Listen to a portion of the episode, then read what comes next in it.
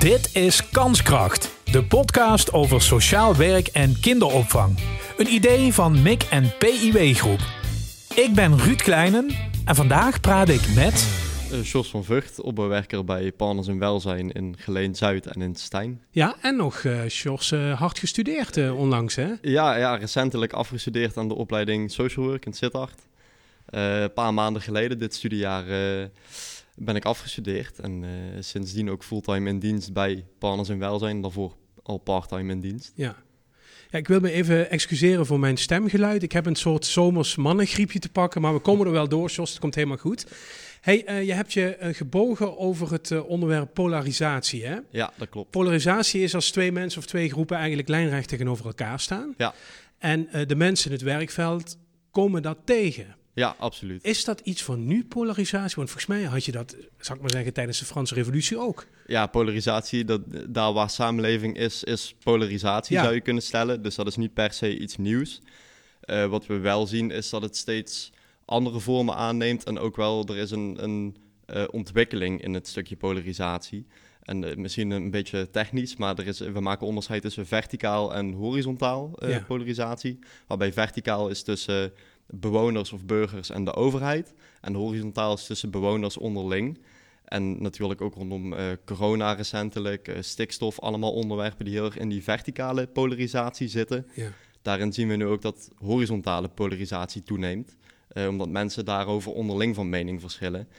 En dat leidt tot uh, sociale gevolgen. Dus het is voor ons als, als welzijnswerkers super relevant. Ja, en jullie krijgen natuurlijk met beide vormen te maken. Absoluut, ja. Ja, nu vind jij misschien eerder dat iets gepolariseerd is dan dat ik dat vind. Ik bedoel, het is te interpreteren. Ja, die kans is groot. En sterker nog, ik had het er ook met een collega over en die gaf ook aan...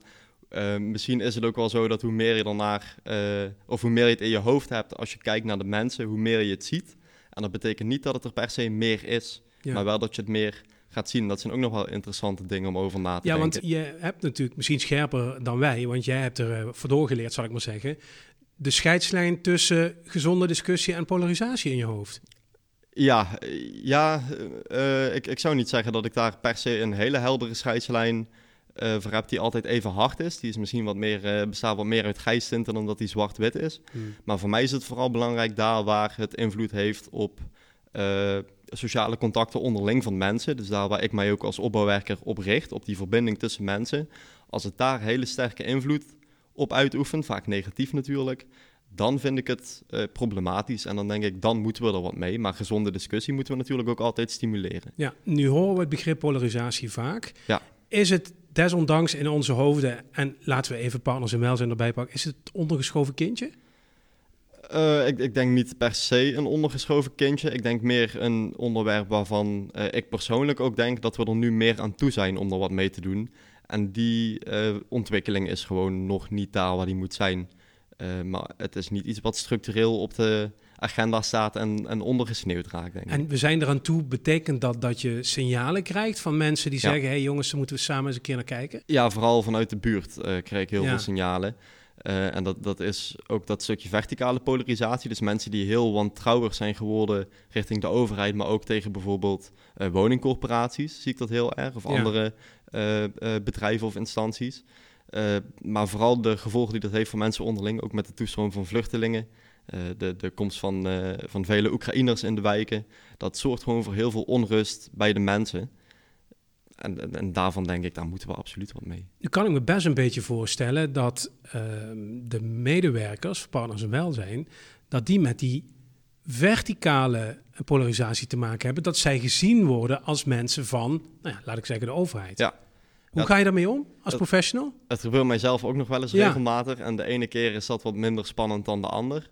Over het algemeen, eh, als, als opbouwwerker, kom ik zelden gevallen tegen waarin mensen mij wantrouwen. Eh, buiten hoe normaal het is dat je iemand niet meteen vertrouwt als je iemand nog niet kent natuurlijk. Eh, maar het komt wel eens voor dat mensen vervelende ervaring hebben met de gemeente of met politie.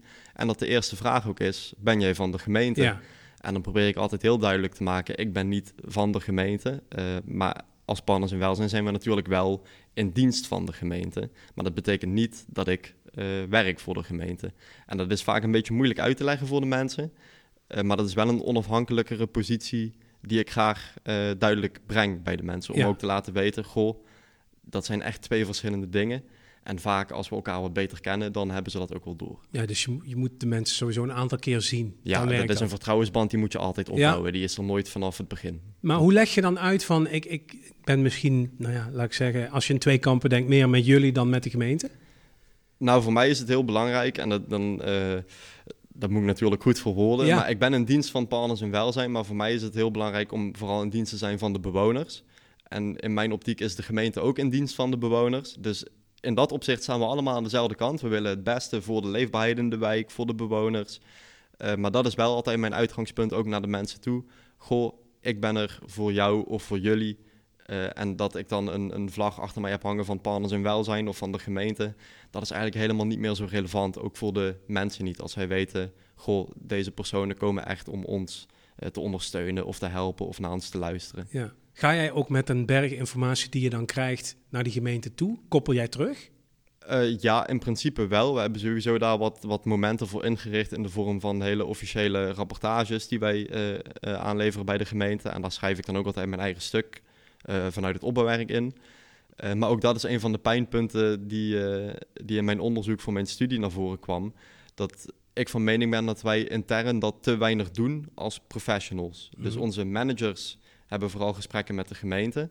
Terwijl ik vind, eh, laat ook nou die professionals zoals ik en mijn collega's die elke dag in de wijk zijn, die elke dag met de mensen in gesprek gaan, laat ons die signalen en verhalen ook direct terugkoppelen. Ja. En daar waar ik mensen van de gemeente of andere partners tegenkom, dan trek natuurlijk uiteraard mijn mond open van, goh, dit is mij opgevallen deze week of de afgelopen maanden.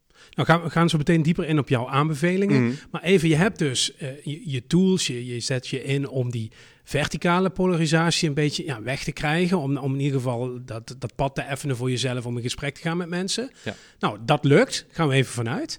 Dan kun je aan die horizontale polarisatie gaan werken. Hoe? Ja, nou, nu, dat, is nog wel een lastige kwestie, want ik, ik ben ook van mening dat als ik natuurlijk alle antwoorden paraat had, dan, dan was het probleem al lang Ja, opgelost. het is vooral luisteren, denk ik ook. Dat is het. Het- Ja. Waar vooral ook de verticale polarisatie uit ontstaat, is een gevoel van niet gehoord worden of niet serieus genomen worden door instanties. En dat is dan ook iets waar ik me altijd heel bedacht van ben als onderdeel van instanties. Dat ik wel de tijd heb om naar mensen te luisteren. Maar ik denk ook dat dat geldt voor het stukje eh, horizontaal, dus tussen mensen onderling. Het, dat denk je misschien, het eh, komt bij mij in ieder geval altijd op als ik denk aan polarisatie, dan zie ik twee mensen of twee groepen mensen heel hard schreeuwen naar elkaar zonder naar elkaar te luisteren. Ja.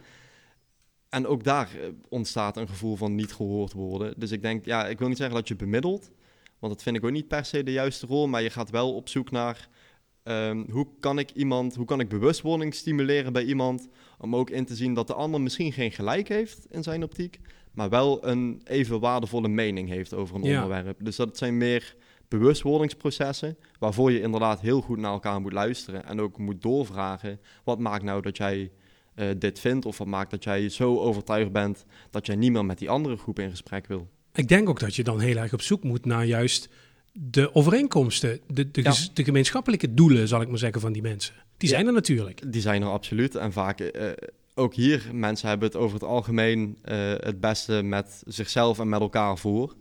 Alleen zijn het dan verschillen in opvattingen, waardoor zij tegenover elkaar komen te staan. Maar het zal zelden het geval zijn dat de ene partij de andere partij ook echt, eh, echt kwaad zou willen doen. Ja, jij noemde net al eh, nou, immigratie als, Ja. als, als een van de thema's. Wat zijn nog zaken die je zo tegenkomt? Over het algemeen ook eh, beleidskwesties. Dus bijvoorbeeld coronabeleid eh, neem ik graag als voorbeeld, omdat het voor heel veel mensen heel eh, herkenbaar en, en nog vrij vers in het geheugen is. Daarin zie je dat bepaalde beleidskwesties invloed hebben op hoe mensen tegenover elkaar staan. Dus je hebt een, een groep mensen die wordt heel snel weggezet als dat zijn de wappies, want Ja. zij geloven er allemaal niet in. Terwijl die mensen hebben ook gewoon argumenten waar dan per definitie niet meer naar wordt geluisterd, want je wordt al weggezet als bepaalde groep. Eh, dus dat zorgt ook voor een, een verschil in onderling contact. Buiten het feit dat dat ook te maken heeft met de gemeente of met de overheid. Maar dat ettert nog na, begrijp Dat ik. ettert na, ja. En, en je ziet sowieso al snel, ook op social media, mensen worden heel snel weggezet.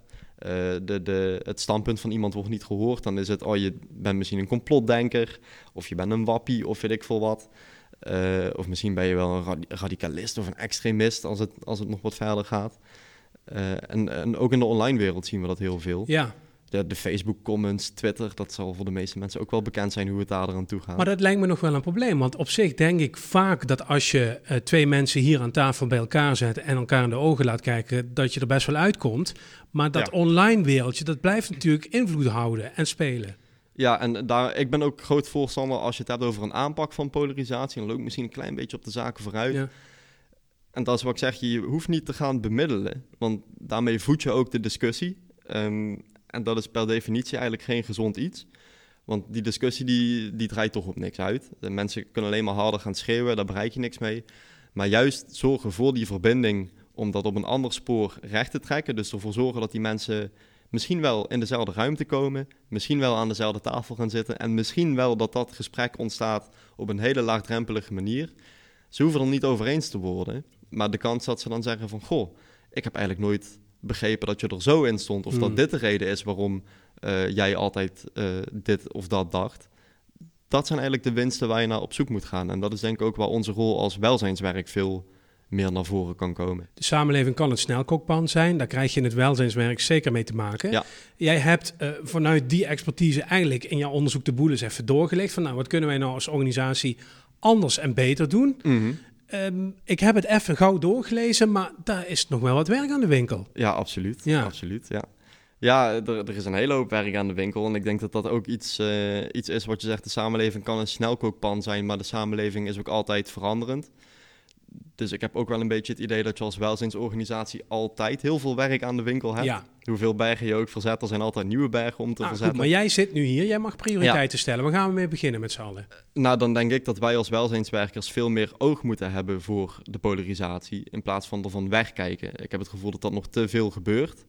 En dat dat te veel wordt weggeschreven als normaal of onderdeel van de samenleving. Ja, ik denk we moeten daar juist uh, naar durven kijken. Als je het erkent, dan kun je er wat mee. En als je eromheen blijft draaien, dan gebeurt er ook niks. Dus als we dat nou eens, uh, het klinkt misschien heel makkelijk als ik het zo stel, maar als we dan met z'n allemaal erkennen dat het er is, en we spreken af om daar op een bepaalde manier aan te werken, door bijvoorbeeld verbinding te stimuleren en het niet uit de weg te gaan. En zoals uh, wij dit gesprek voeren, daar ook echt aandacht voor te vragen en mensen aan het denken te zetten, dan denk ik dat je al een verandering kan brengen in het gedachtegoed van de professionals, dat ze daar meer alert op zijn en wie weet ook is dat soort overwegingen kunnen meenemen in hun dagelijkse praktijk. Ja. Goh, zie ik het? Wat doe ik daar eigenlijk mee? Wat zou ik daarmee willen doen? Wat is de ideale situatie waar we naartoe willen? Dat soort vragen rondom polarisatie moeten we elkaar en onszelf veel meer gaan stellen. Ja, is dat dan ook um, te bereiken door iets te doen aan de theoretische kennis misschien wel? Ja, een, een deel van mijn aanbeveling is ook berust op uh, deskundigheidsbevordering van professionals. Zo heb ik zelf bijvoorbeeld uh, verschillende cursussen en trainingen mogen volgen uh, intern. Die mogelijkheden zijn er bij ons ook vrij ruim. En ook dan is het belangrijk dat mensen de waarde daarvan inzien. En ook bij zichzelf denken, goh, ik kom het tegen in mijn praktijk en ik weet er misschien nog niet zo heel veel van, of ik zou er graag meer van willen weten. Misschien dat zo'n cursus of een training, hoe ga ik daarmee om, wat houdt het in, dat dat wat voor mij is. Um, en omdat die mogelijkheden er zijn, roep ik ook iedereen intern op, maak daar gebruik van. Uh, verdiep je erin, dat kan ook gewoon zelf. Uh, lees wat dingen, zodat je er maar wat meer van weet, zodat je er meer mee bezig kan zijn en zodat je er ook gerichter je aanpak op kan afstemmen. Ja, nu, nu kan iedereen uiteindelijk met veel inspanning zijn werk beter gaan doen. Mhm. Toch constateren, zien en horen die professionals al een hele hoop in het werkveld. Worden ze goed, um, nou dat klinkt een beetje plastisch, maar worden ze goed uitgelezen door de organisatie? Weten we wat we aan moeten met de verhalen die terugkomen? Of kan dat ook beter? Ja, dat kan altijd beter natuurlijk. En in dit geval zou ik ook zeggen dat kan veel beter. Um, zo heb ik zelf, eh, mijn, mijn onderzoek is misschien een, interessante verduidelijking, gaat specifiek over opbouwwerk en jongerenwerk. Maar dat betekent niet dat de uitkomsten zich beperken tot uh, opbouwwerk en jongerenwerk. Maar bijvoorbeeld daarin zien wij dat wij door uh, drukte van het werk, ook een beetje de, het chaotische karakter van ons werk, onregelmatige werktijden, volle agenda's, uh, dat we elkaar te weinig spreken over dit soort onderwerpen. En dus ook omdat die gesprekken intern niet op gang komen met collega's hierover, of te weinig in ieder geval. Het uitwisselen dus. Ja, ja. die ervaring uitwisselen, dat is zo belangrijk. En dat, ik vind ook dat we daar als organisatie nog wel formeel wat meer, uh, wat meer ruimte voor vrij mogen maken. Dat dit ook op de agenda kan worden ja, gezet dus bij professionals. Dit moet gewoon in de werkroosters eigenlijk. Ja, eigenlijk wel. Ja, Is dat praktisch mogelijk of heb je je daar niet over hoeven nadenken? Dat is ook wel lekker hoor. Ja, het, het, voordeel is dat ik daar niet heb over hoeven nadenken. Ik heb daar natuurlijk wel over nagedacht. Uh, ook omdat ik hier werkzaam ben en dan voor mezelf ook afvraag... Goh, hoe zou ik als werknemer dat dan ook prettig vinden? En het staat ook haaks op, uh, op de visie van het opbouwwerk om dan te zeggen als management... Goh, iedereen uh, moet nu een half uur per week vrijmaken in zijn agenda en dan gaan we het erover hebben. Dat werkt niet. Dan wordt dat opgelegd van bovenaf. Dan voelen mensen zich daar vaak niet gemotiveerd genoeg voor. Die draagkracht is er dus niet. Uh, vandaar dat ik zeg, we zouden eigenlijk een, een omslag moeten maken in denken. En dat doe je ook door het er meer over te hebben zelf. Dat begint bij jezelf. Ja. Uh, deel er meer over, heb het er meer over, zodat ook intern dat bewustwordingsproces op gang wordt gezet, zodat mensen zelf gaan inzien dit is een belangrijk onderwerp en wij moeten hier wat mee. En misschien wel, wat, wat ik zelf ook ervaar, een verantwoordelijkheidsgevoel. Wij zijn partners in welzijn, waarom doen wij hier nog niet zoveel mee? Dat, dat zijn de vragen waarvan ik hoop dat mensen zich, uh, ja, zichzelf meer die vragen gaan stellen. Ja, en je tikt het al even aan, dus tussen dat jongerenwerk en het opbouwwerk aan zich... Mhm. Kan die band ook anders, sterker? Ja, die kan veel sterker. Ja, de, omdat er gewoon zoveel overlap is ook. Ja, absoluut. absoluut. Ik bedoel, de werksoorten komen heel veel met elkaar overeen. Uh, maar dat betekent niet dat wij deze gesprekken niet ook moeten voeren met maatschappelijk werk of met uh, de, de uh, mensen van het CEG of misschien wel de mensen van Explore of de kinderopvang. Dat, je kan het zo breed trekken als dat je wil. ja, ik heb me dan gefocust op het opbouwwerk en jongerenwerk. Maar die verbinding kan altijd beter. Intercollegiaal is altijd meer winst te behalen en ook vooral over de inhoud. Vind je dat jullie daar als partners en zijn een, een soort voorbeeldfunctie in moeten hebben? Landelijk of zo, dat je dat sterker neerzet? Ja, absoluut. Ik, uh, ik zou zelf, ja, landelijk is, uh, is echt een, uh, een ideaal situatie, maar dat, dat zou ik stiekem toch wel hopen natuurlijk. Kan dat ook? Dat weet ik niet. Ik denk dat wij ons vooral heel sterk profileren binnen Zuid-Limburg. En specifiek in de westelijke mijnstreek, denk ik, daar zijn wij toch best een, een stevige partner in de welzijnswereld als partners in welzijn. En dan mogen wij best wel karttrekker zijn van dit soort uh, initiatieven, denk ik. Dus als wij het voortouw nemen in een aanpak rondom polarisatie, en wij laten zien, goh, wij zijn er intern echt mee bezig, we doen dat zus, we doen dat zo, dan kunnen we, net zoals we die verbinding tussen opbouwwerk en jongerenwerk kunnen versterken, die verbinding misschien ook versterken met onze samenwerkingspartners, zoals de lokale politie, de, de gemeentes, de uh, woningcorporaties, andere welzijnsorganisaties.